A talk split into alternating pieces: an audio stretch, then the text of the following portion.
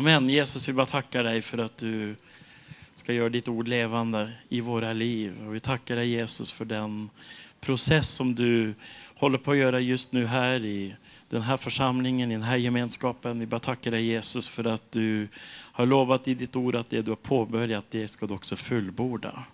Så vi bara tackar dig Jesus för att du ska ta bara lägga nya byggstenar nu in i gemenskapen här, in i församlingen här, in i den här familjen. Så de kan bli ännu mer effektiva för ditt rike och nå ännu mer ut och bli ännu mer kraftfulla i det de gör i Jesu namn. Amen. Amen. I Romarbrevet 1 så säger Paulus så här i vers 9. Gud som jag tjänar i min ande när jag förkunnar evangeliet om hans son. Han är vittne till hur jag ständigt nämner er i mina böner och alltid ber om att nu till sist få tillfälle att komma till er om Gud vill. Varför ville Paulus besöka de kristna i Rom? Vers 11 säger han, jag längtar efter att träffa er för att få dela med mig någon andlig gåva åt er så att ni blir styrkta. Paulus säger, jag vill så gärna komma till er och jag ber och jag, och jag ropar till Gud att få komma till er så att jag kan få dela med mig av någon andlig gåva som Gud har gett mig. Så ni blir styrkta. Och sen fortsätter han, jag menar för att vi tillsammans för att vi tillsammans, det här, jag gillar ordet tillsammans, det dyker upp hela tiden i Nya Testamentet. För att vi tillsammans ska få tröst ur vår gemensamma tro, er och min. Gud har gett olika gåvor i sin församling. Och precis som Daniel sa här, så har vi alla en bit av Kristus. Därför behöver vi varandra. Gud har gjort det så här. Det finns ingen gemenskap, ingen församling, inget sammanhang som har allting, utan alla har fragment eller delar. Men tillsammans har vi fullheten av Kristus. Så ni i Kungsbacka har saker som vi behöver i Flen och vi i Flen har gåvor som kan välsigna er. Och så här finns det, så här har Gud gjort kroppen beroende av varandra. Eh, men Paulus han hade sån djup längtan.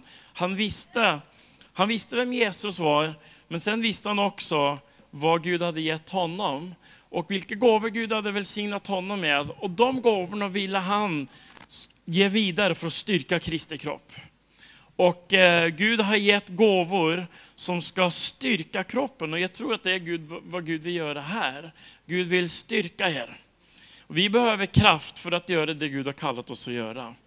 Gud har talat mycket till mig om det senaste tiden att man behöver andlig kraft och styrka. Paulus ber i Efesierbrevet att Gud ska styrka med kraft i er inre människa. Varför behöver vi kraft?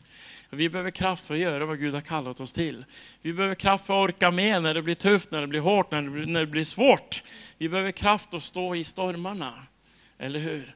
Så Paulus han hade ett hjärta och en längtan. Jag vill komma och jag vill styrka er. Och det är min bön idag, att ni ska bli styrkta med de andliga gåvorna som vi kan välsigna er med. Amen. Det var inledningen. Först Johannes 4, vers 17 står det så här. Ty sådan han är, sådan är också vi i den här världen. Sådan han är, sådan är också vi. Och sen kommer Jesus med det här fantastiska löftet i Johannes 14, att den som tror på mig skall utföra de gärningar som jag gör. Vi är kallade att vara lik Jesus, det är den ena delen, men sen är vi också kallade att göra det han gjorde. Så vi är kallade att vara som honom och vi är kallade att göra vad han gjorde. Och båda de här delarna behöver vi i våra liv. Och eh, det ena, alltså det räcker inte med det ena. Det viktigaste är att vara lik Jesus, hans karaktär, hans natur, hans personlighet. Men sen är vi kallade också att göra det Jesus gjorde. Och det säger Jesus, den som tror på mig, han ska utföra, han ska göra de saker som jag gör. Och för att göra det så behöver vi Andens gåvor. Så ja, om man ska ge en titel på det här så är det att Gud vill förlösa er i Andens gåvor. Eller Gud vill förlösa sin församling ut i Andens gåvor. För utan dem så kan vi inte göra Jesu gärningar. Faktiskt, det är bara så. Amen. Så du och jag, vi är kallade att imitera Jesus och det är ju lärjungaskap, eller hur? Det är vad lärjungaskap handlar om, att bli lika honom och att göra vad han gjorde. Så jag är så glad att vara här, för det här är ju liksom, jag tänkte alla, alla bibelverser handlar om lärjungaskap. Jag tänkte, varenda en, lärjungar. Det är fokus här. Och en lärjunge är en som blir lik Jesus och som gör vad Jesus gjorde. Och för att göra Jesu gärningar så behöver vi bli utrustade med hans ande och andens gåvor. Annars kan vi inte göra Jesu gärningar. Uh, Jesu karaktär synliggörs i våra liv genom andens frukter, Galaterbrevet 5. Kärlek, glädje, frid, tålamod, vänlighet, godhet, självbehärskning och allt det här. Uh, det är det som gör oss lika honom. Det är det som är hans personlighet, hans karaktär, det som kännetecknar vem Jesus är. Ehm, men, det kallas för andens frukter. Men för att göra Jesu tjänst och hans gärningar så har han gett oss andens gåvor. Så vi behöver andens frukter och andens gåvor. Nu vet vi att andens, andens gåvor utan andens frukter, det är inte bra. Det är livsfarligt. Eller hur? Och Paulus han är jättenoga när han tar upp det här i första Korinthierbrevet 13. Han säger om jag har profetiens gåva, om jag har trons gåva, jag kan flytta berg, om jag har alla de här gåvorna men inte har kärleken, då är jag en stor nolla. Då är jag ingenting. Då är allting värdelöst. Så, så det börjar med andens frukter, kärlek. Kärleken första. Allt, allting ska vara utifrån det, kärlek, glädje, frid. Eller hur?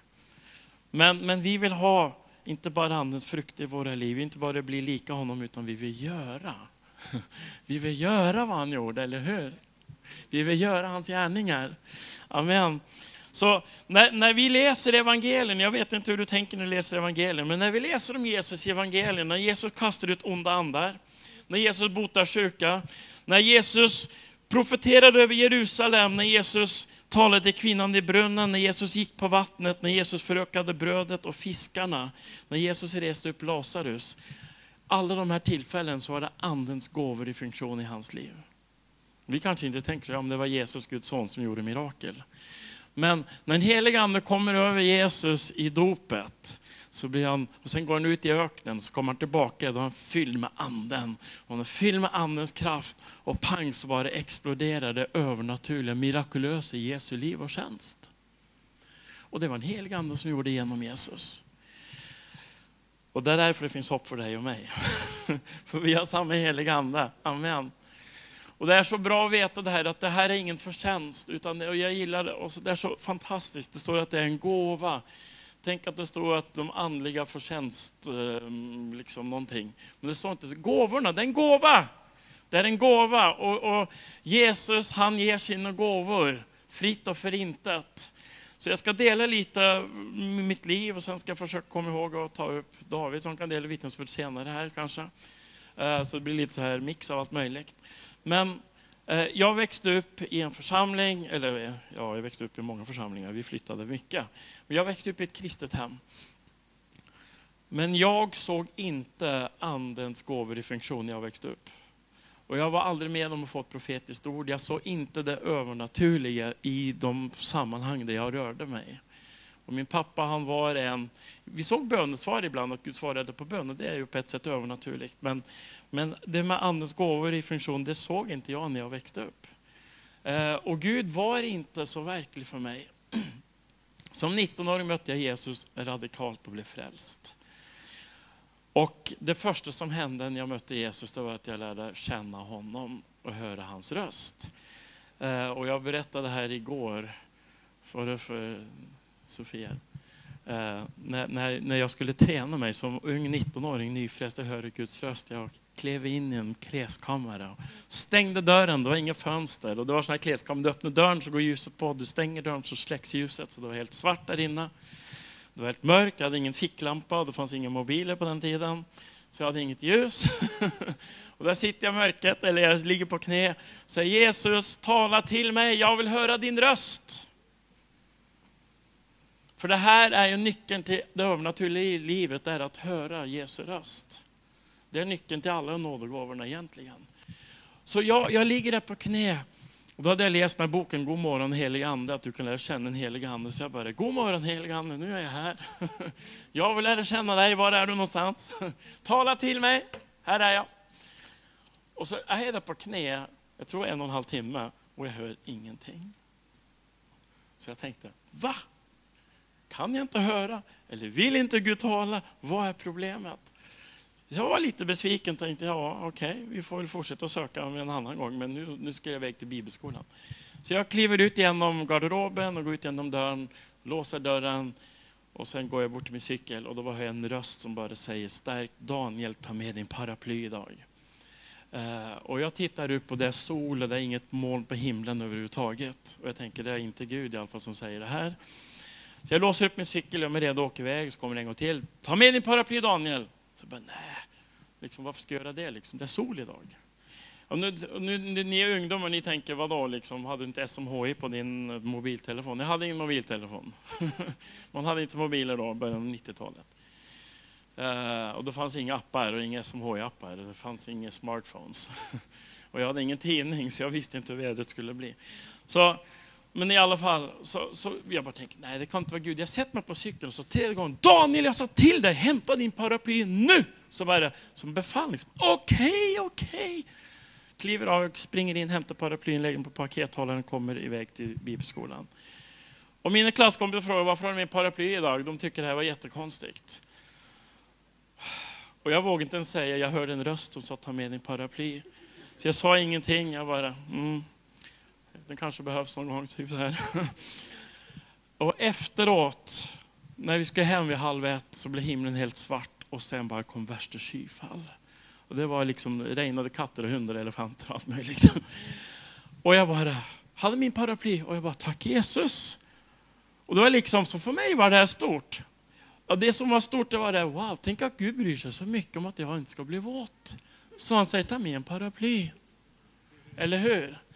Och det här, och, och, man tänker på andens ledning och, och, och det här så, ja men det är bara stora saker som Gud leder eller talar, men han gör det i de små sakerna. Eh, jag kommer ihåg en gång jag var på affären och så bara säger en helig ande, köp det här. Jag tror det var det här teet som du älskar. Vad heter det? Vanilj någonting. Ja, Ica har ett te som är vanilj, någon vaniljte någonting. Så bara kommer, köp det här teet din fru vill ha den. Så bara, nej. Då hade det stått på listan. Jag har ju listan här i handen, Det står inte här på listan. Om hon ville ha det, då hade hon, sagt, då hade hon skrivit ner det. Eller liksom ringt mig eller någonting. Så, nej, det behöver inte göra. Om man köpt det till Nej, det, bara, det kan inte vara Gud. Så jag, jag tänkte jag köper inte. Så kom jag hem och skriver in en dörren så säger min fru, förresten köpte du det här teet? Så nej, det gjorde jag inte. Det stod inte på listan. Nej, men jag tänkte att du kunde köpa det i alla fall. Jag tror faktiskt att jag bara Gud säger till dig att köpa det. Så bara... Men då blev det också så här, wow, Gud bryr sig om att vi får te. Att vi har en paraply när vi, förstår ni vilken omsorg Gud har? Eller hur? I de här små sakerna. Eller hur? Så man tänker, då tänker jag ibland, men Gud han har ju så mycket att ta hand om på den här jorden. Bryr han sig om liksom te och paraplyer och, och sådana här saker? Liksom, när hela världen är i kaos? Ja, han gör det. Um, så jag, jag, ja, först går inte 12.1. Så säger Paulus så här. Bröder, jag vill inte att ni ska vara okunniga i fråga om de andliga tingen. Och sen lägger han ut om Andens gåvor i hela kapitlet. Bröder, jag vill inte att ni ska vara okunniga. Jag vill inte Alltså, det är liksom en, i Paulus, bara, det här måste ni bara känna till och det här måste ni veta och det här måste ni leva i. Ni får inte vara okunniga om det här. Eh, I Romarbrevet 15.18 så säger Paulus, jag vågar inte tala om annat än det som Kristus har utfört genom mig. För att hedningarna ska föras till lydnad genom ord och gärning, genom kraften i tecken och under. Så vi vill vinna människor och vi vill föra folk till Jesus. Och då säger Paulus, hur har Gud gjort det här genom mitt liv? Han säger det räcker inte med ord, utan det är genom gärning, det är genom tecken, det är genom under, det är genom det övernaturliga. Och Gud vill föra oss allihopa, och Gud vill föra er här i Kungsbacka, mer ut i det övernaturliga livet. Och det är genom Andens gåvor som Andens kraft blir förlöst och som Gud gör tecken under och mirakel. Eh, så jag var 19 år, tillbaka till det. Och jag läste en bok om Andens gåvor och så tänkte jag, wow, det är en gåva, man kan få den. Man kan be och så kan man få. Så jag började be och söka Gud. Ja, det första jag bad om det var Andens dop. Det var ingen som la händerna på mig. Jag bara sa, Gud döp en helig ande. Och sen, det här var början av 90-talet. Det fanns inga jobb i Sverige.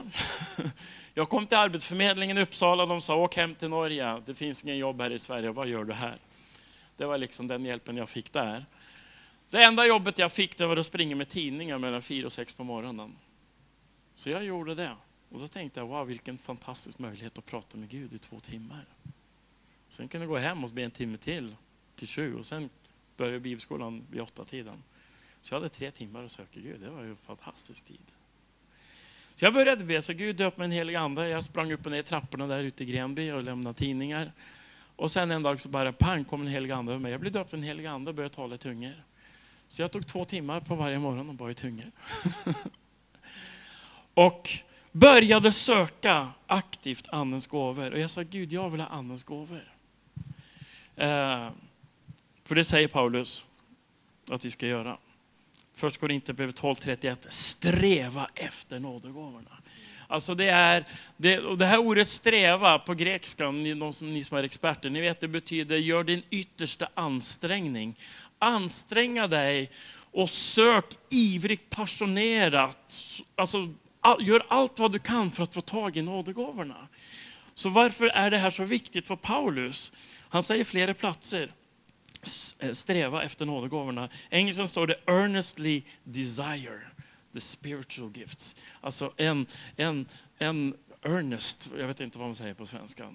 Men alltså det är en ärlig, djup, passionerad, ivrig längtan efter Andens gåvor. Så jag, jag sprang där upp och ner. Jag hade ingen, ingen dröm om att bli predikant eller pastor eller någonting. Eller leda en församling. Det fanns inte. Jag vill inte stå på scen. Jag vill in, inget av sånt. Utan jag bara insåg att jag behöver Andens gåvor i mitt liv om jag ska göra Jesu gärningar. Det var det enda som fanns i mig. Så jag sa Gud, jag bad i timmar, i veckor, månader. Gud, jag vill ha kunskapens ord. Gud, jag vill ha visdomens ord.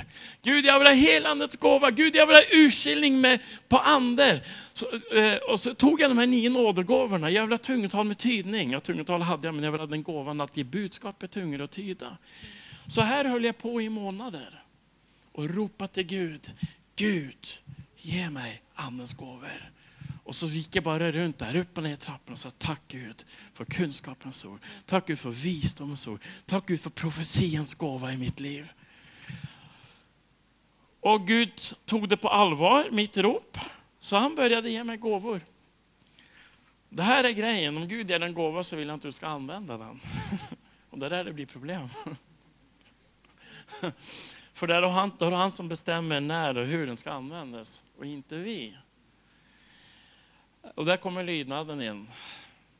Så jag hamnade på ett kalas i alla fall. Jag går första året på bibelskolan, hamnade på ett kalas och det är 30-tal personer där. Jag var en av de inbjudna.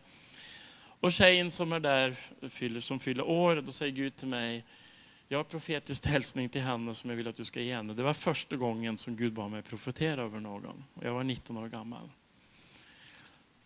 Och jag kämpade med människofruktan och jag kämpade jättemycket med jag menar, när jag gick i skolan, jag var den blygaste och räddaste av alla när jag, i min uppväxt. Jag vågade inte säga hej, jag vågade inte hälsa på folk, jag vågade inte läsa högt i klassen. Jag var livrädd. Och det behövs frimodighet för att röra sig det övernaturliga. Det behövs mod. Eh, och därför talar Paulus också om frimodighetens ande. Amen. Så Gud säger, gå bort till henne och ge en hälsning från mig. Och jag kämpade och kämpade. Ja, men Gud, jag vågar inte. Jag förstod inte det här. Jag var, jag var för okunnig. Jag var för okunnig. Så jag förstod inte det här att man ska se på Jesus, inte på sig själv. Så jag bara tittade på mig själv. Ja, men jag vågar inte. Ja, men jag kan inte. Så, här. så jag kämpade. Och jag gjorde inte det. Jag åkte hem. Och jag kände, nu är jag bedrövad den heliga Ande. Jag har varit oledig. Jag har bett till Gud om en gåva, han ger mig en gåva, han säger använd den gåvan, jag vill välsigna den här personen, den här personen behöver den gåvan du har. Och sen säger jag nej. Och skyller på min människofruktan. Så jag kände, jag fick gå in i omvändelse och säga Gud, förlåt. Gud förlåt. För jag bara kände, jag, jag bara kände Guds hjärta i mig var så ledsen och bedrövad. Daniel, hon behövde det här ordet och du gav det inte. Och jag ville ge det genom dig till henne. Och du har ju bett mig om andens gåvor och sen vill du inte ens använda dem. Så jag bara, okej, okay, så jag insåg, Gud, jag har ett problem med fruktan i mitt liv. Och fruktan måste brytas i våra liv om vi ska ut i det övernaturliga. Vi kan inte ha fruktan. Det måste, Gud måste ta itu med det där i våra liv. All form av fruktan och all form av människofruktan.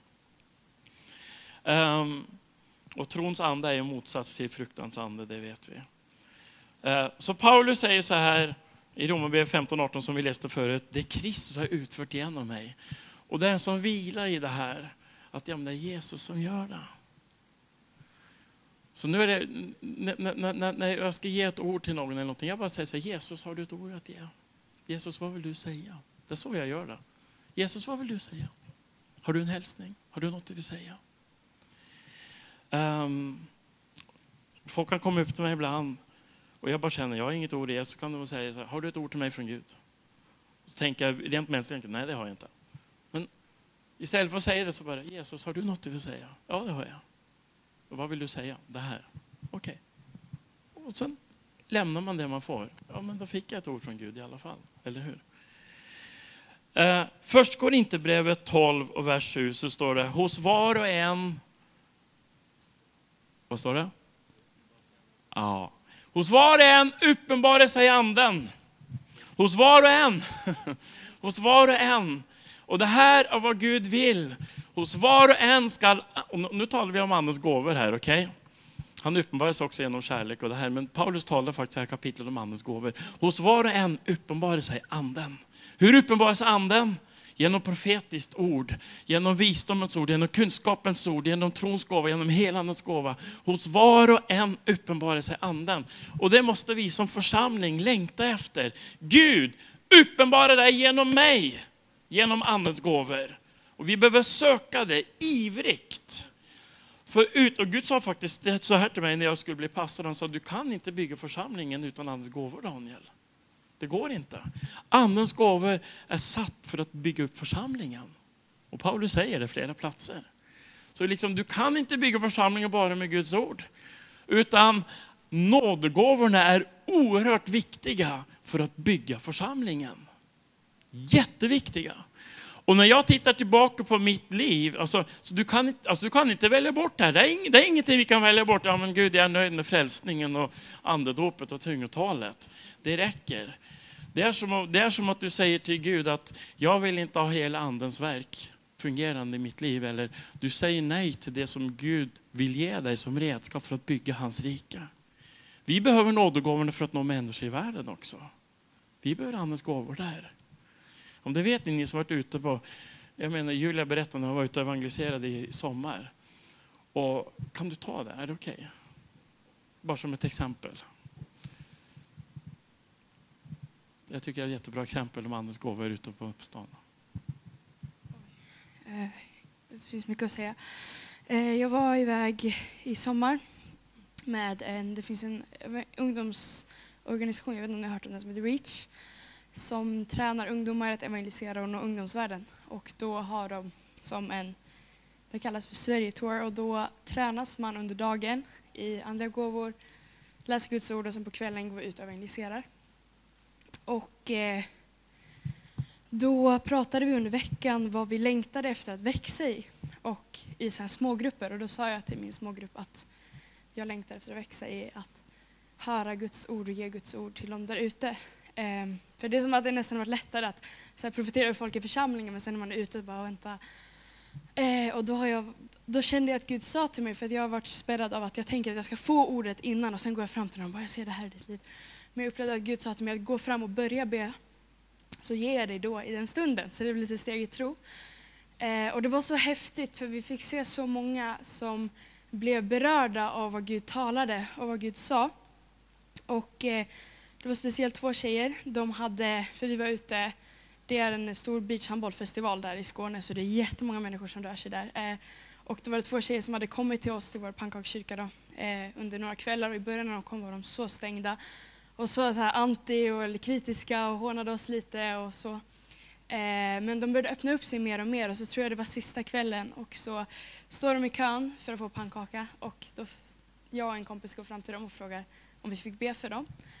Eh, och så lyssnar vi in där eh, och sen så säger vi bara, eh, så får jag en bild till den här tjejen. Jag okay, du får göra vad du vill med det här. Det kanske är lite konstigt för dig men jag ser som att du, du känner att du är under vatten och du sitter fast och du kommer inte riktigt upp och jag ser det här och det här. Och fick måla upp en bild av vad jag såg och sa bara vad jag såg. Och hon bara, det där är nästan läskigt för det är så sant. Eh, och, eh, och verkligen öppnade upp sig och det öppnade upp så mycket i henne. Hon hade varit så stängd i början och så fick vi be över henne. Och sen när du gjort det så frågade vi en annan kompis om får vi be över det också. Hon bara, ja absolut. Så, fick vi dela, fick vi en ny bild, okay, men jag ser att du som står inför en väg och du vet inte vilken väg du ska gå. Det är massa vägar och massa dörrar du vet inte vilken du ska öppna och du, du vet inte riktigt. Och hon säger ja, jag vet inte vad jag ska välja och det är så här, jag har jättemycket val som jag inte vet vad jag ska göra och jag är rädd för att välja fel. Och så här, Gud vill verkligen öppna upp och se rakt in i dem och det var så många, så många vittnesbörd från den veckan och det var så häftigt för mig att få se Gud öppna upp ofrälsta som aldrig har hört, som aldrig har sett och mött det innan och verkligen de fick se att oj, det finns en Gud som ser mig. Liksom, varför ska en främling se vad jag kämpar med och vad jag brottas med? Eh, så det var jättestarkt och det öppnade upp på ett helt annat sätt än att bara liksom komma och predika massa. Tack Julia. Ja, det är ett bra exempel. Vi behöver Andens gåvor. Och det var ju det Jesus använde vid brunnen, det vet vi, eller hur? I Johannes evangelium, kvinnan vid brunnen. Han fick kunskapens ord rakt in i hennes liv. Så Jesus hade inte fungerat effektivt utan Andens gåvor. och då behöver vi det också. Hos var en uppenbarelse anden så att det blir till nytta. Um, nådegåvorna är ett tecken på att den helige Ande finns ibland oss och rör sig ibland oss faktiskt. Och därför är det det som händer när andeutgjutelse kommer så är det alltid Andens gåvor som kommer i funktion alltid andeutgjutelse. Och det var det som hände även i Flen. När den helige Ande föll över vår ungdomsgrupp, alla började profetera för kunskapens ord. Och, alltså det var andens gåvor bara pang, exploderade i alla våra ungdomar. Så när anden utgjuts så kommer andens gåvor i funktion. Då vill den helige Ande uttrycka sig genom gåvorna. Och varför? För det är genom gåvorna han betjänar, det är genom gåvorna han befriar, det är genom gåvorna han helar, det är genom gåvorna han upprättar. Och jag tänkte tillbaka på mitt eget liv här inför den här förberedelsen av, av det här idag. Så tänkte jag på så här, vad är det för viktiga milstolpar jag haft i mitt liv? Och vi har, vi har pratat här i veckan, jag tror det var jag och Daniel som, och jag nämnde, vi, ja, vi pratade båda två lite, att Gud jobbar i processer och de stora förändringarna kommer över tid. Och det är sant. Och liksom vår, att bli mer lik Jesus, det händer inte över en natt. Utan det, det är ju ett livslångt lärande egentligen. Men sen är det andra saker som händer i våra liv som, som, är, som jag kallar milstolpar. Och jag kommer ihåg första gången när jag var, alltså, när jag var helt, helt nyfrälst. Då kom jag till en eh, sommarkonferens i Uppsala. Det var på Livets Ord, en sommarkonferens. Det var 92 måste det ha varit. Um, och jag sitter där de hade ett jättestort tält på den tiden, som de sen skickade iväg till Afrika. Jag sitter i tältet och så bara får jag, jag förstår inte att det var en helig ande, men jag bara får en stark förnimmelse. Lämna tältet nu. Lämna tältet nu, mitt under predikan. Jag tror det var Morris Cerulla till och med. Men jag bara, lämna tältet nu då. Så, ah, okay.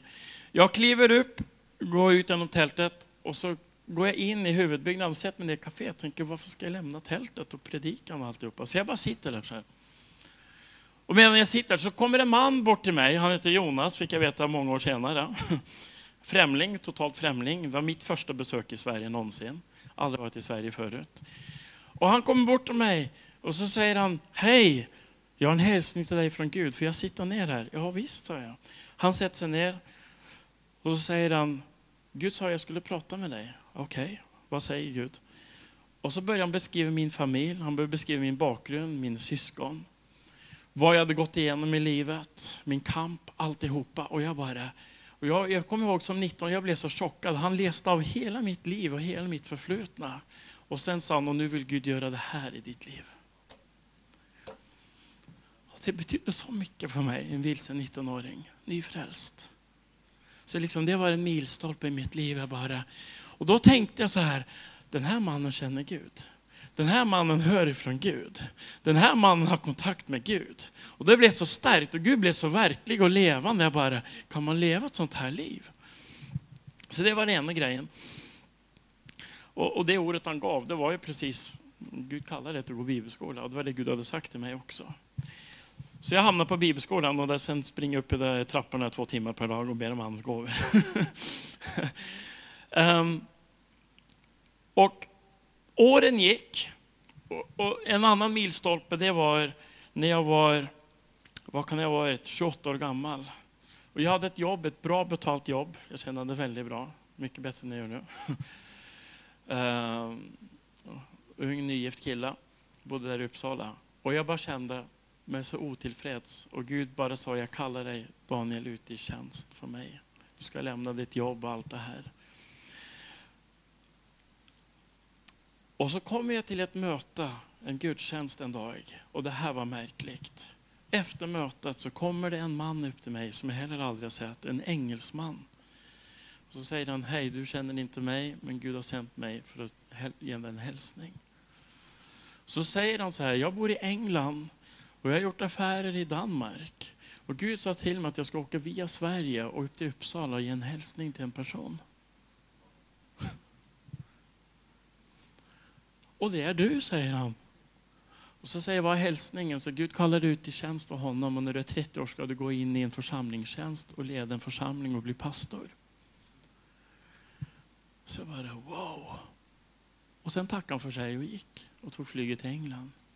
Och jag bara, ja men det här, så, så, så jag har varit med om sådana här saker i mitt liv. Eh, och så gick tiden, jag tror det var ett år senare, och så tänkte jag det blir nog inget av det där som han, han sa. Det blir liksom, jag kanske inte kommer att se det här hända i mitt liv. Och då säger en helig ande till mig, åk på en missionskonferens i Nyköping.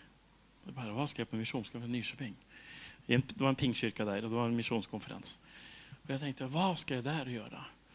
Liksom jag är med. Jag reser med Carl Gustav och jag har jätteroligt här på Livets Ord och jag är med i mission. Liksom. Varför ska jag åka till missionskonferens i Nyköping? Men i alla fall, så jag åkte till Nyköping och sitter där och tänker, vad gör jag här? Och då var det en indisk predikant på besök. Jag kommer inte ens ihåg vad han hette. Och jag sitter där och tänker, blir det någonting av det Gud har sagt över mig? Blir det någonting av kallelse? Blir det någonting av drömmarna? Blir det någonting? Hur kommer det, kommer det hända någonting? Och så han predikar och jag bara tittar på honom och tänker, oj vad udda kläder han har. Konstig kostym som är för liten. Och så, liksom, hans dialekt. Jag var, liksom, jag var inte mottaglig, tyvärr. Jag, liksom, jag bara tänkte, vad gör jag här? Och så stannar han mitt i sin predikan så bara... Och du säger till Gud, Gud du har glömt mig. Du säger till Gud, vad blir det av min kallelse? Du säger till Gud, hur blir det med det du har sagt? Och så bara sa han ordagrant alla frågor jag hade ställt Gud. Men så säger den helige Ande till dig. Nu är tiden inne och nu ska jag förlösa dig ut det jag har för dig. Året efter så flyttade vi och sen klev jag in i pastortjänst. Och när han var färdig med det här budskapet så tog en minut och sa Gud, det var därför du kom, nu kan du åka hem. Så det var okej. Okay. Jag kom för att få en minuts hälsning från Gud och jag fick åka till Nyköping för att få det. Först Korinthierbrev 14 och 4 står att den som profeterar uppbygger församlingen. Så om du vill vara en som bygger församlingen, bestäm dig. Jag vill profetera. Ja, men kan jag göra det? Ja, för Paulus säger att alla kan profetera. Vi kommer dit snart. Men det här, det här, det här tänker jag ska fungera i alla troende. Alla troende ska profetera. Och man ska göra det jämt och man ska göra det ofta och man ska vara van vid det. Det ska vara jättelätt. Det ska vara lika lätt som att öppna munnen och säga vad som helst. Att komma med profetiskt ord från Gud. Och det är en gåva som Gud vill att alla i församlingen ska flöda i. Sen är ju inte alla profeter, men alla kan profetera, säger Paulus. Och om du vill bygga församling, du bygger din hemgrupp, din house church eller vad du, sammanhang du är i. Den här gåvan behövs, jag lovar dig. Och jag kan säga att det har varit den viktigaste gåvan i vårt ungdomsarbete. Alltså vi hade inte kunnat haft det ungdomsarbete vi haft utan den profetiska gåvan. Och vi hade inte kommit där vi är idag utan den profetiska gåvan. Och, och när, när, en del av våra ungdomar de har varit nere eller de har kämpat eller någonting och sen ber och sen börjar de andra profetera, få kunskapens ord och saker, se saker i deras liv som ingen känner till. Men vi har en kille i vår, i vår ungdomsgrupp som är väldigt introvert och väldigt stängt för det mesta. Liksom. Öppnar sig inte för någon. Och jag bara tänkte, hur ska man nå in i honom? Och sen var det en kväll, våra ungdomar, de bara la hand på honom och sen fick de bara massor kunskapens ord och visdom. Han bara sitter och storgråter. Då bara, Gud når in via gåvorna på ett sätt som inte dina ord kan nå in. Som inte ens bibelord kan nå in. Ja, jag har hört bibelord är från Gud. Ja, men just nu så behöver de något annat, faktiskt. Eller hur? Kvinnan vid brunnen behövde inte bibelord. Hon behövde kunskapens ord från Jesus. Jag ser att, Jesus berättar vad han ser. Du har haft fem män. Jag ser det här och det här i ditt liv. Hon bara, wow! Du är en profet. Alltså hon förstod direkt, du har med Gud att göra. Det väckte hennes uppmärksamhet. Hon bara pigna till här. Sträva, först går inte 12.31, sträva efter de nådegåvor som är störst. Och så står det så här, och nu, nu jag känner vi måste ta det här också. Och så säger Paulus så här, och nu visar jag en väg som vida överträffar alla andra. Det finns ett sammanhang i USA, sydstatsbaptisterna, som använder den här versen för att förklara att andens gåvor inte finns idag. Och så säger de så här att kärlekens väg, den ersätter andens gåvor. För du har andens gåvor i kapitel 12 och sen kapitel 13 så har du kärlekens väg och sen kapitel 14 så fortsätter profetians gåva och andens gåvor igen. Så mitt i det här så kommer Paulus med kärlekens kapitel. Men det Paulus säger är att jag visar er en väg. Vadå en väg? En väg in i Andens gåvor som överträffar alla andra gåvor. Alltså inte en väg utanför Andens gåvor, utan jag visar den här vägen han undervisar om Andens gåvor och sa nu ska jag visa er en väg som överträffar alla andra vägar och det är kärlekens väg. Och det finns ingenting, skulle jag vilja påstå, som förlöser Andens gåvor så mycket som när vi får Guds kärlek i våra hjärtan, Guds hjärta. Du vet, för när du, när du har hans hjärta, då ser du vad han ser. Då är du redan i Andens gåvor. Eller hur? När du har hans hjärtslag och du får hans ögon, du blir ett med honom och du lever i Kristus och Gud är kärlek, du är i honom, han är i dig. Jag menar, då är det hur naturligt, du tänker inte ens nu flödar andens gåvor, de bara finns där, de är i funktion. Kärlekens väg. Och då säger Paulus, utan kärleken så är andens gåvor ingenting. Så det är viktigt. Det är grunden. Det är själva grunden. Det är själva grunden. Um, men, men vi klarar oss inte utan Andens gåvor. Eh, först går inte brev 12.31 som jag pratade om. Earnestly desire the best gifts. Jag slog upp på dictionary.com. Jag går alltid in där för att få ordabetydelsen, ordagrant och synonymer till vad ett ord betyder. Så nu ska jag läsa vad Paulus säger när han säger sträva efter de nådegåvor som är störst. Det här är vad Paulus säger. Med en djup allvarlig, aktiv, ivrig, uthållig och uppriktig beslutsamhet.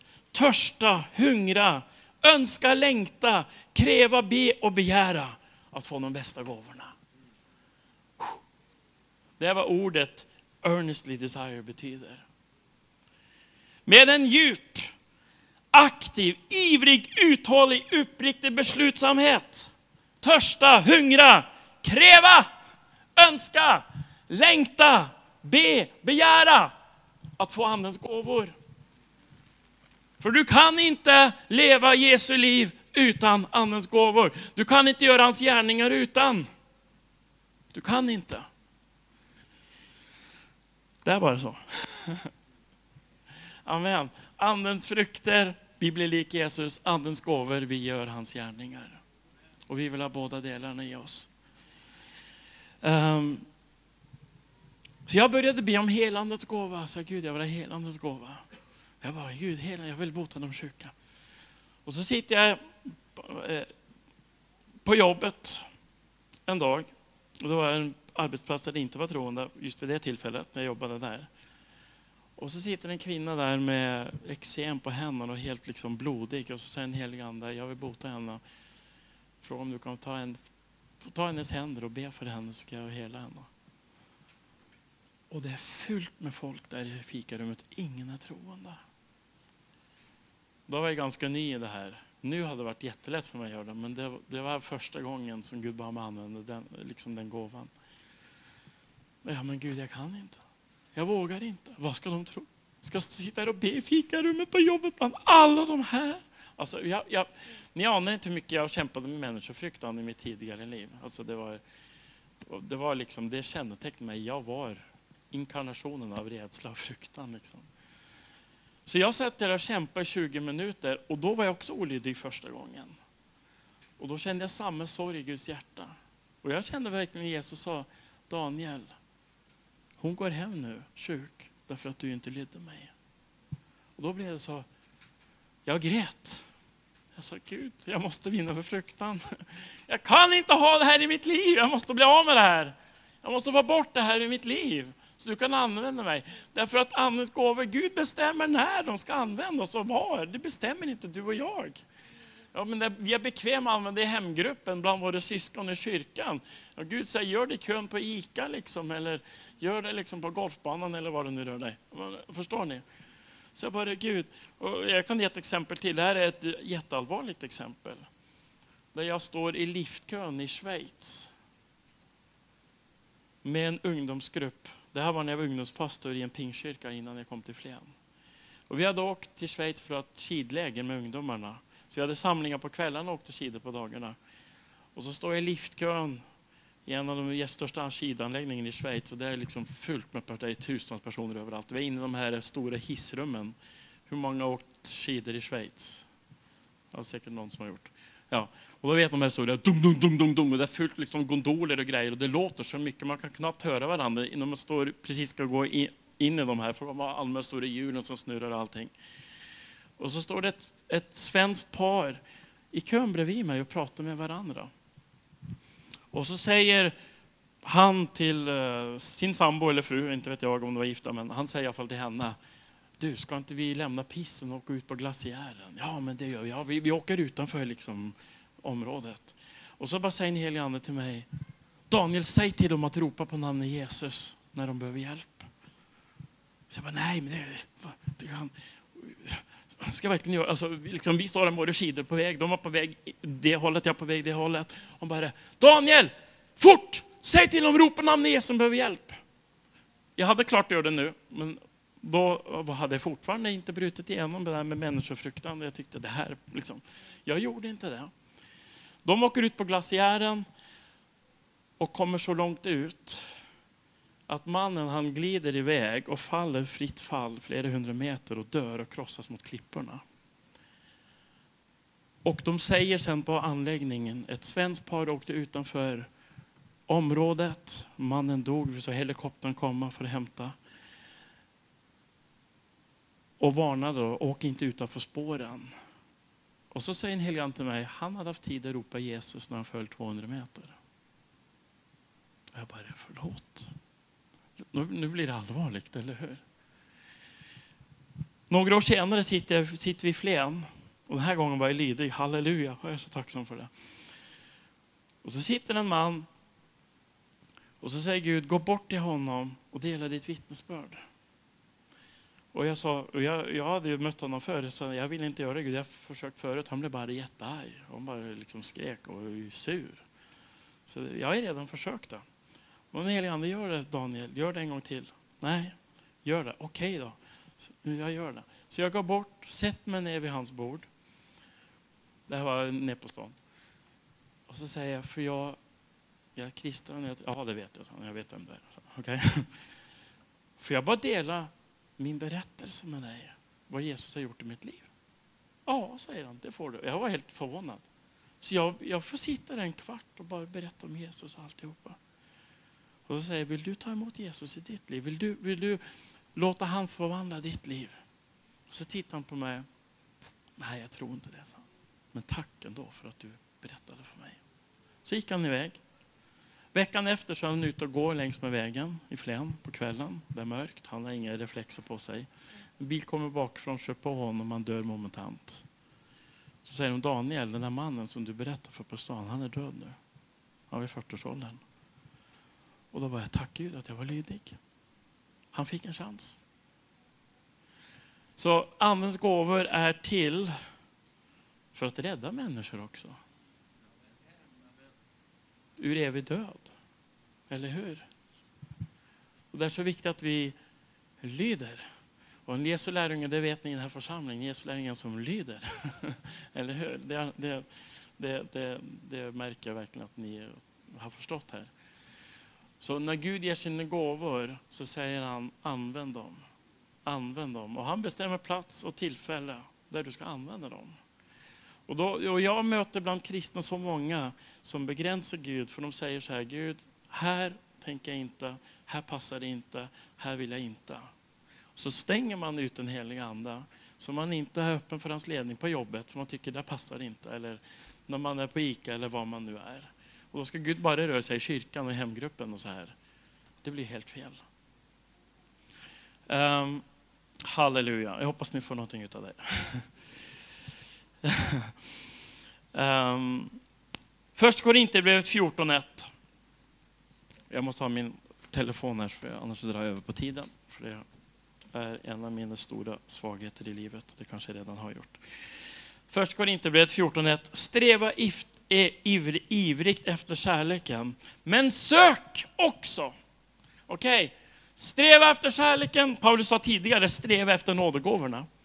Och de största är profetiens gåva, så den är nummer ett. Och nu säger han, sträva ivrigt. Tidigare sa han, så sa han, sträva, earnestly desire, sträva ivrigt efter andens gåvor. Nu säger han, sträva ivrigt efter kärleken. Men sök också att vinna de andliga gåvorna, framför allt profetians gåva. Amen. Så om du är en Jesu lärjunge, då lyder du och jag ordet. Då gör vi det här. Då söker vi profetians gåva i överflöd. Amen. Du kan aldrig få för mycket av den gåvan i funktion. Men jag tror vi har för lite av den gåvan i funktion. Eller hur? Allt för lite. Så jag kan titta på mitt liv. Jag skulle kunna ge så många exempel. Jag kan ge ett exempel till. Jag, jag sitter en gång på, på läktaren. Det var också innan jag kom ut i tjänst på Livets Ord. Och jag bara känner livet är tufft och jobbigt. Och bara, uh. Jag vill inte ens sitta bland folket där nere. Så jag satt mig längst upp, längst bak där det satt ingen. För jag vill sitta helt själv och sura och deppa. Liksom som Jona under min lilla buska. Gud, det händer för lite i mitt liv. Gud, så här. var lite allmänt sur. Jag sitter där på läktaren och så var det nattvard den dagen. Och då brukar man dela nattvard med varandra och be för varandra. Och jag sa, Gud, jag vill inte träffa någon idag. Jag vill inte att någon ska se mig. Jag sitter här och är sur. Riktigt omoget, eller hur? Jag var kanske 28 år gammal. Någonting. Och så kommer en mötesvärd upp och så ger han till en man som långt, sitter långt där nere. Det var han på läktaren och så var det jag längst bak. Och så får jag och så dyker jag och tänker, hoppas inte han ser mig. Så jag, jag försöker gömma bakom stolen för jag, jag vill vara själv i min självömkan. Men han såg mig, jag såg mitt huvud som stök upp det här. Så han kom med fasta steg mot min äldre farbror. Jag bara, åh nej. Nu måste jag be för någon. Jag vill inte be för någon. Jag är så trött och sliten och äh, torr och alltihopa. Och jag har inget att ge. Och så, här. så han lägger handen på mig och tänker det här blir en riktigt torr bön från mig och det blir säkert ingen bra bön från honom heller. Han ser jag ganska trött och sliten ut också. Så han lägger så jag har noll förväntan. Så jag bara, vi får bara ta oss igenom det. Take us through the motions och sen får jag gå och sätta mig igen så blir jag klar med det här. Så han lägger hand på mig Oh, o käre fader. Så direkt, ja vad det tänkte, det blir en religiös bön. Och sen efter bara några sekunder så bara pang kom en helig ande över honom. Och så säger Guds ande till dig. Och så börjar han profetera. Och du säger så här, jag är uttorkad och jag är torr. Och så bara beskriver han allt det som jag har sagt till Gud. Jag satt upp i min stol. Men det här är vad Gud har tänkt för ditt liv. Så bara, Woo! Och vet du, vad? vet du vad profetiska gör? Det förmedlar liv. Det förmedlar liv och det förmedlar kraft. Profetians gåva förmedlar liv och kraft. Och närvaro. Och mirakel.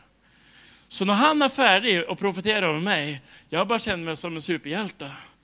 Och då kommer den helige Ande med mig. Så då, sen, då börjar vakna till liv i mig. Då säger den helige Ande, nu har en hälsning till honom. Nu ska du profetera över honom och säga de här sakerna. Så gäller han på honom, vet du vad broder, det här är vad Gud säger till dig. Så han bara står och gråter och bara möter Gud. Så bara, wow! Så jag åkte hem, lyft och fri och glad. Därför att en broder flödade i Andens gåvor. Amen. Halleluja. Eh, David, hade du ett vittnesbörd? Eller passar inte? Okej, vi, vi ska gå in för landning. Skulle vi vara klart 12 eller har vi dragit över nu? Går det bra? Går det bra? Kan ni stoppa mig? Okej. Okay. Ja. Eh, först går inte 14.12. Eftersom ni är ivriga att få Andens gåvor, sök då, lyssna nu, att i överflöd, i överflöd, har ni överflöd på Andens gåvor? Nej, men låt oss få det. Okej? Okay? Eftersom ni är ivriga att få Andens gåvor, sök då att få i överflöd sådana som uppbygger församlingen. Amen. Så vi kan inte bygga, uppbygga församlingen så som Gud har tänkt utan Andens gåvor. Guds ord är bra och det är det viktigaste, men det i sig räcker inte. Utan Paulus säger sök Andens gåvor som uppbygger församlingen. Var ivriga och glöm inte kärleken. Den kommer först, eller hur? Amen. Så när jag, när jag betjänar, då är det alltid frågan, var är mitt hjärta? Och det, det, jag kan säga så här, jag stod, jag stod, jag stod på, nere på stan en gång och vittnade för två häxor i Uppsala. Ja, det är riktiga häxor. Och de sa rakt ut, de var häxor. De tjänade Satan, djävulen, öppet. Och min första tanke var, ni djävulens barn, fulla av orättfärdighet och svek. Som Paulus säger i Apostlagärningarna till den här trollkarlen. Du är djävulens son. Liksom. Det var min första tanke. Men, liksom, men det var bara sån mur och sånt hat från dem. Så jag bara står och tänker, det här funkar inte alls. Så jag bara, okej, okay, heliga ande. Vad ser du när du tittar på de här två? Och vad känner du? Jesus, vad, vad är ditt hjärta och vad känner du och vad tänker du? Så bara står jag tyst medan de kastar förbannelser över mig. Och så bara händer någonting inom mig och så ser jag vad Jesus ser. Jag ser inte två häxor fulla av demoner. Jag ser två unga kvinnor som längtar efter förändring i sina liv. Jag ser två hungriga hjärtan, trasiga hjärtan. Så jag bara, jag bara, alltså det, det, var, det var ett skifte så här alltså i mig. Så jag, från att se de här som liksom motståndare till Guds rike så bara får jag sån barmhärtighet och nöd. Så jag, och direkt, pang, så slår Andens gåvor i funktion. När kärleken börjar flöda så bara, kunde jag bara titta på den ena häxan. Men vet du vad, när jag tittar in i ditt liv så ser jag de här sakerna i ditt liv. Och hon bara blev vidöppen för Jesus. Alltså från att vara anti och hatisk så öppnar sig totalt. Kunskapens ord. Eller hur? Så Jesus, vad ser du? Och det här är en nyckel också till att komma ut i Andens gåvor. Jesus, vad ser du? Vad ser du? Vad vill du säga? Alltid under förbön. Du vet, under förbön så hamnar vi så fel ofta. Och, och, och, och, det lärde jag mig också med tiden. Därför att i början, liksom man bara går fram och så bara ber folk. Och Gud välsigne mig, halleluja, Predikanter kan göra så, eller hur? Man kommer fram, åh Gud, åh, så här. Men så säger en helig ande, stanna upp, lyssna in mitt hjärta. Så nu, nu kanske jag håller på för länge med folk. Julia kan hålla på en hel timme. Men liksom, Gud, vad vill du säga? Vad är din hälsning? Vad behöver den här personen höra ifrån dig? Vad är ditt hjärta? Och gör man det i förbönen så öppnar du upp för Andens gåvor. Jesus, vad ser du? Jesus, vad känner du? Och vad tänker du? Och så stillar man in sig och så väntar man. Och så plötsligt så bara börjar den heliga Ande bara oh, verka i oss. Halleluja. Och vi vet, ja, det här kanske inte jag behöver ta, först Korintierbrevet 14, 3. Profesi, den som profeterar tal uppbyggelse, där kommer det en uppbyggelse, uppbyggelse, uppmuntran och tröst. Kristna behöver väldigt mycket tröst. Vi behöver det allihopa. Jag behöver tröst. Du behöver tröst. Paulus behövde tröst. Du kan studera Paulus liv alla gånger han säger att han behövde tröst och fick tröst från bröderna. Det var inte få gånger som Paulus, den här brodern kom och tröstade mig, den här kom och tröstade mig. Hur tröstade de Paulus? Jag tror inte det bara var en allmän kram. Jag tror de gav Paulus en hälsning från Gud. Ett ord från Jesus. Eller hur? Så profetians gåva ger tröst. Den ger tröst, den ger uppmuntran. Gud har inte glömt dig, Gud ser dig, Gud vet vad du går igenom. Du tänkte så här igår, men Jesus såg det, han hörde din bön. Eller hur? Halleluja! Amen. Halleluja! Galaterbrevet 5 och 6 säger att vår tro är verksam i kärlek. Andens gåvor. För, alltså andens gåvor kommer i funktion genom tro. Men de är verksamma i kärlek. Gud ger oss en verksam tro. Verksam tro. Kärleken kopplas ihop med andens gåvor, då blir det kraftfullt. Och det är det vi ser i Jesu liv, i evangelierna. Och det är därför han har ett sånt otroligt genomslag överallt. Jag ska gå in för landning här, men jag, jag vill ge en, en, nyckel till att komma ut i Andens gåvor. Och det är tungotal. Tungotal, tungotal, tungotal. Ärligt talat så vet jag ingen annan väg. Eh, alltså kärlek och tungotal, det är de två fundamenten jag har. Och sen självklart att kunna lära känna Jesu röst. Är, men känna Jesu röst, och rotad i hans kärlek och be mycket i anden. Du kan inte undgå att komma ut i Andens gåvor om du gör det. Jag tror inte det. Om inte du har ett hjärta som säger jag vill inte lyda. Då, då stoppar det. Men, men, men, och jag kan säga ju mer jag ber i anden, ju mer fungerar Andens gåvor i mitt liv. Ju mer jag ber i tungor, desto vassare och skarpare blir det. Och vi, jag, Emily och jag vi var i, i Frankrike i en församling för något år sedan. Eh, och skulle, jag skulle dela det på söndagen, predika. Och så det, jag blev så glad för det här, för då mötte vi pastorns kontor och så bad vi i flera timmar innan mötet. Vi bara låg på knä och bad i anden. Vi bara bad i tungor i flera timmar. Vi bara bad och bad och bad. Så när vi gick ut där, alltså, för det är, det är klarsyn, det skärper dina andliga sinnen. Så när vi gick ut där och, och predikade och sen betjänade, alltså en, en, en sån skarphet som jag hade då har jag sällan varit med om. Alltså liksom man kunde gå fram till folk och berätta vad man hade drömt förra natten. Liksom. Och det här drömde du igår och det här sa du till Jesus i bilen alltså, i förrgår. Alltså, det, var så, det var så otroligt skarpt och vasst. Men det, jag tänkte efter, varför var det så starkt flöde idag? Jag tror att det var bön i anden. Så eh, i Judas brev, vers 20-21. Ni mina älskade ska bygga upp er själva på er allra heligaste tro. Be i den heliga ande. Eh, det bygger upp din ande när du ber i anden. Och så står det i vers 21, håll er kvar i Guds kärlek. En del översättningar säger, säger så här, building yourselves up on your most holy faith, pray in the Holy Spirit and thus keep yourselves in the love of God. Så det är också en tolkning. Men att bön i anden, det förlöser också kärleken. Bön i anden förlöser det övernaturliga. Bön i anden, därför är tungotalet oerhört viktigt, som jag ser det, för att komma ut i andens gåvor. Um, be den heliga ande. Och det är det som var så intressant med Paulus. För I första Korinthierbrevet 14, där Paulus talar om profetiens gåva, vad, vad, säger han i det kapitlet? Jag tackar Gud. Jag talar tungomål mer än ni allihop. Alltså, mitt i det kapitlet så berättar Paulus, jag är den som är mest i tungor. Varför gör han det? Är det för att skryta? Är det för att säga, titta på mig? Hur mycket jag ber i tungor? Nej, jag tror inte det. Jag tror att han ger oss en nyckel. Han talar om profetians gåva och säger, jag använder tungotal mer än någon av er. Så jag tror att det var en nyckel i Paulus liv. Tungotalet. Oj, oj, oj, vad det kan förlösa av det övernaturliga. Jag talar tungomål med ni alla i 1 Korinthierbrevet 14, vers 18. Så jag tycker det är intressant i ett kapitel där Paulus till stor del berör profetiens gåva plats i församlingen. Så tar han upp sitt tungotal. Amen. Ehm, um, Apostlagärningen 2.17, nu går in för landning. Det ska ske i de sista dagarna. Jag ska utgjuta min ande över allt kött. Vad händer när han utgjuter sin ande? Era söner och döttrar skall profetera. Amen. Så om vi ber om en andutgjutelse, då ber vi egentligen om en utgjutelse av andens gåvor. Det är det vi ber om, för det är det som händer när anden utgjuts. Det kommer drömmar, det kommer visioner, det kommer profetisk gåva.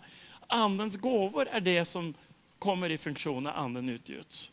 Um, halleluja. Sen kan vi göra som jag gjorde ibland och som Timoteus gjorde. Vi kan lägga locket på nådegåvan. Och när Paulus skriver andra Timoteusbrevet 1 och vers, vers 6 så säger han till Timoteus, låt Guds nådegåva flamma upp igen. Den som finns i dig, den finns där, men den är inte funktion.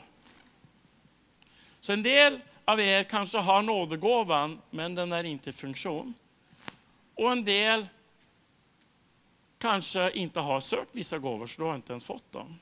Men då ska du söka efter dem, eller hur? Då kan du säga, Gud, jag vill ha helandets gåva. Om ni behöver det mer i församlingen, eller hur? Och jag berättade det här för Sofia igår, när jag var i Afrika.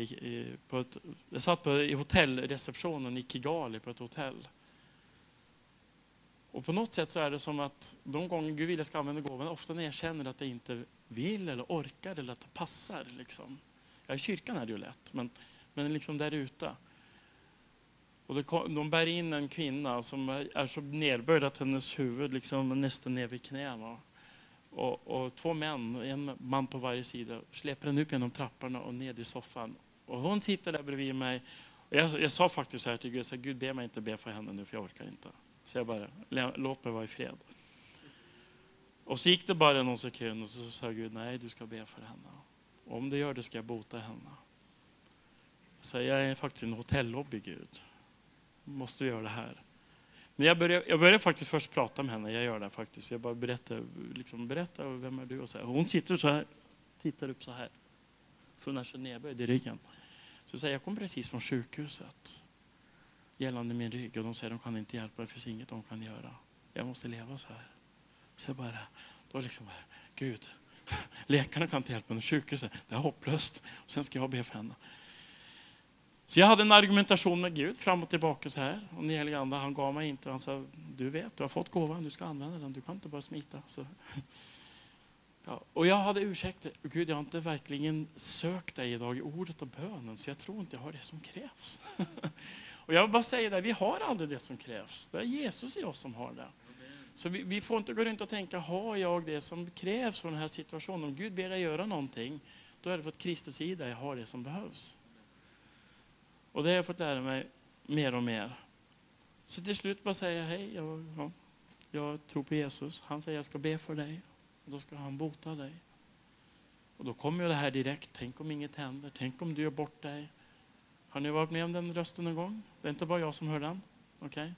Tänk om inget händer Daniel. Vad pinsamt. För nu står de och tittar på bakom receptionen. Då börjar de lyssna också, de som stod där. Liksom, var det flera som så jag bara, ja, Gud, okej, okay, jag gör det här Gud. Okej, okay, det är ditt fel om inget händer, för nu har du sagt att jag ska göra det här. Så jag lägger händerna på henne och säger, nu lägger jag händerna på dig. Och då sa Gud, vad ska jag säga sen? Du ska säga till henne att det reser på sig. Och när den gör det så blir den frisk. Så jag säger, Jesu namn, befall den här ryggen att räta ut sig. Nu reser du på dig Jesu namn och sen är du frisk. Så hon stapplar ur soffan så här och sen bara gör hon så här.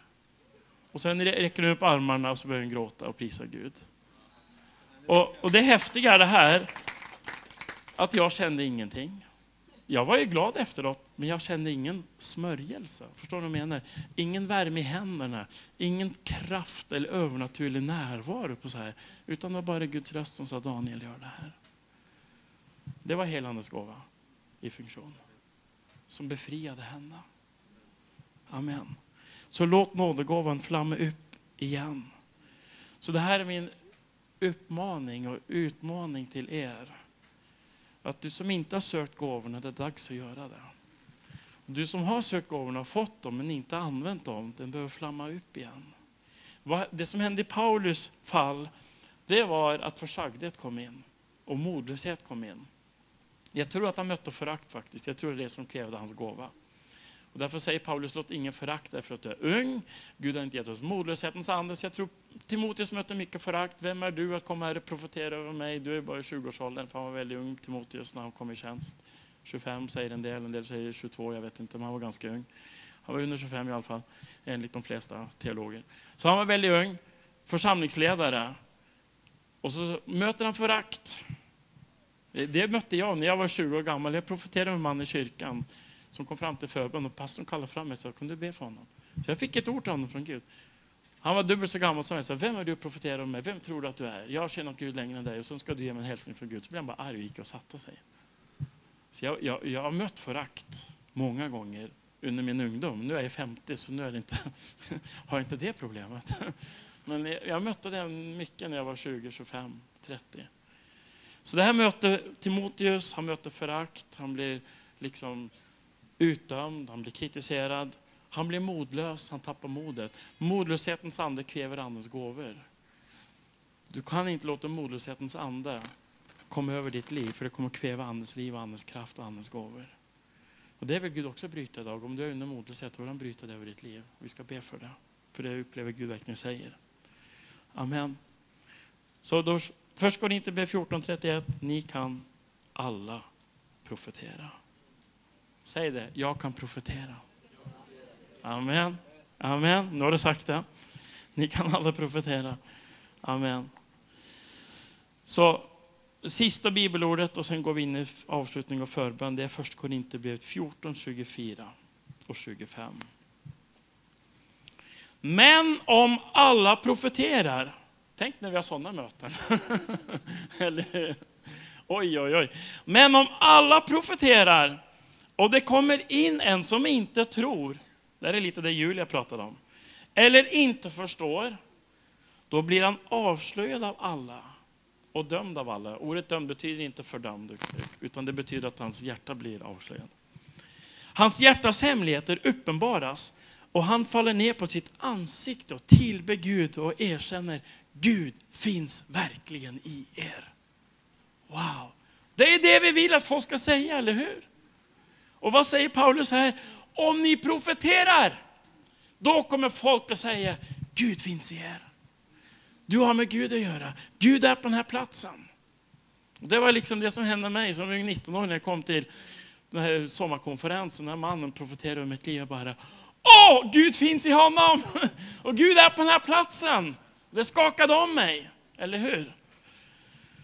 Så Paulus säger att nådegåvorna, profetians gåva, behövs för de som inte tror, står det här. Det kommer in någon som inte tror. Vad gör ni då? Ni profeterar. Avslöjar hans hjärtas hemlighet, det som rör sig här inne. Han faller ner och säger Gud finns här. Wow! Och det är det vi vill se, eller hur? Amen. Så vi ska gå in i bön och sen ska vi betjäna och be för människor om vi har tid till det. Jag hoppas vi har det. Har vi tid till det? Jag tror det är viktigt. Har jag hållit på för länge, har jag hållit på för länge så får ni tillrättavisa mig efteråt. Ja, gärna.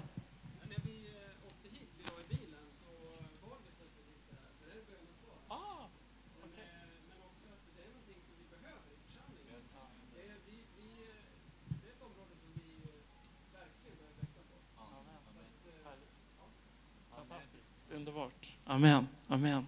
Och Gud ger tjänstegåvan för att utrusta de troende till tjänst, eller hur?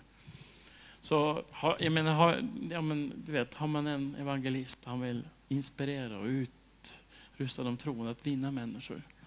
Och de profetiska gåvorna är inte för att profeten ska stå och glänsa och profetera över folk, utan det är för att utrusta de troende med gåvorna. Eller hur? Amen. Eh, hur brukar ni göra när ni ber för folk? Har ni lovsång eller inte? Jag kan köra vilket som. Vi kan ta lite i. Okay. Kan vi stå upp tillsammans? Ja, vi står upp tillsammans. Um, och uh, jag skulle önska att de från Flen som känner sig redo att be för folk, att ni kommer fram och står här med mig. Jag, det, jag lägger inte det på alla, men jag önskar gärna ni kommer komma fram. Eh, och när man, när, man, när, man, när, man, när man delar ett budskap så har Gud sagt till mig så här, det ena du måste få tag i det är vad jag vill säga. Men sen är nästa sak, det är vad jag vill göra. Så i ett möte så frågar jag alltid Gud, det ena är vad vill du säga? Och jag tror att det här är vad Gud ville säga. Sen ställer jag nästa fråga, Gud vad vill du göra? Och det är efter mötet, då vill han göra någonting. Det ena vi gör är att han vill bryta modlöshet. över- och Om det är någon som har modlöshet så vill han bryta det över ditt liv.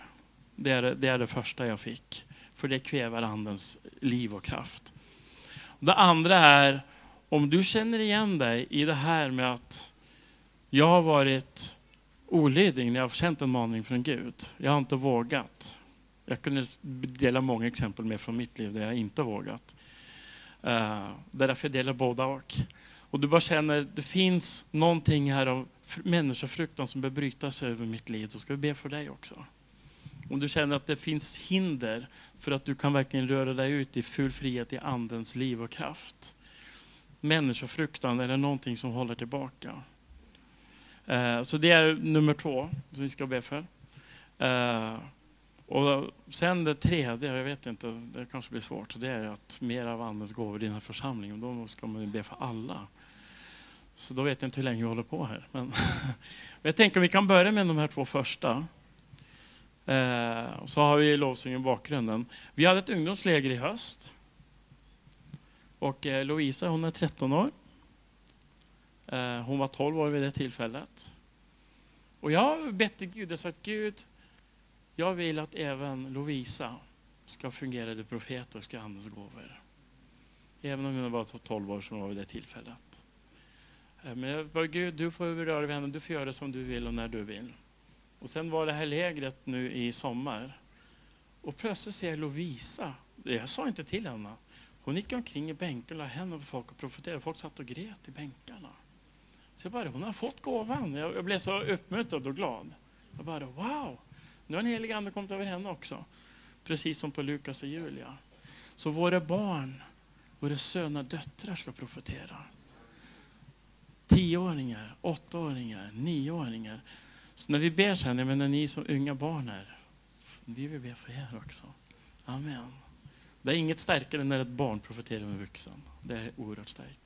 Amen. Så vi gör så här, om, om det har varit modlöshet som har hållit dig tillbaka eller människofruktan eller något annat hinder för att verkligen komma ut i Andens gåvor. Kom fram nu. Och var inte rädd utan bara dyk upp så ska vi be för er först. Amen. Amen. Så har vi låsen i bakgrunden. Amen.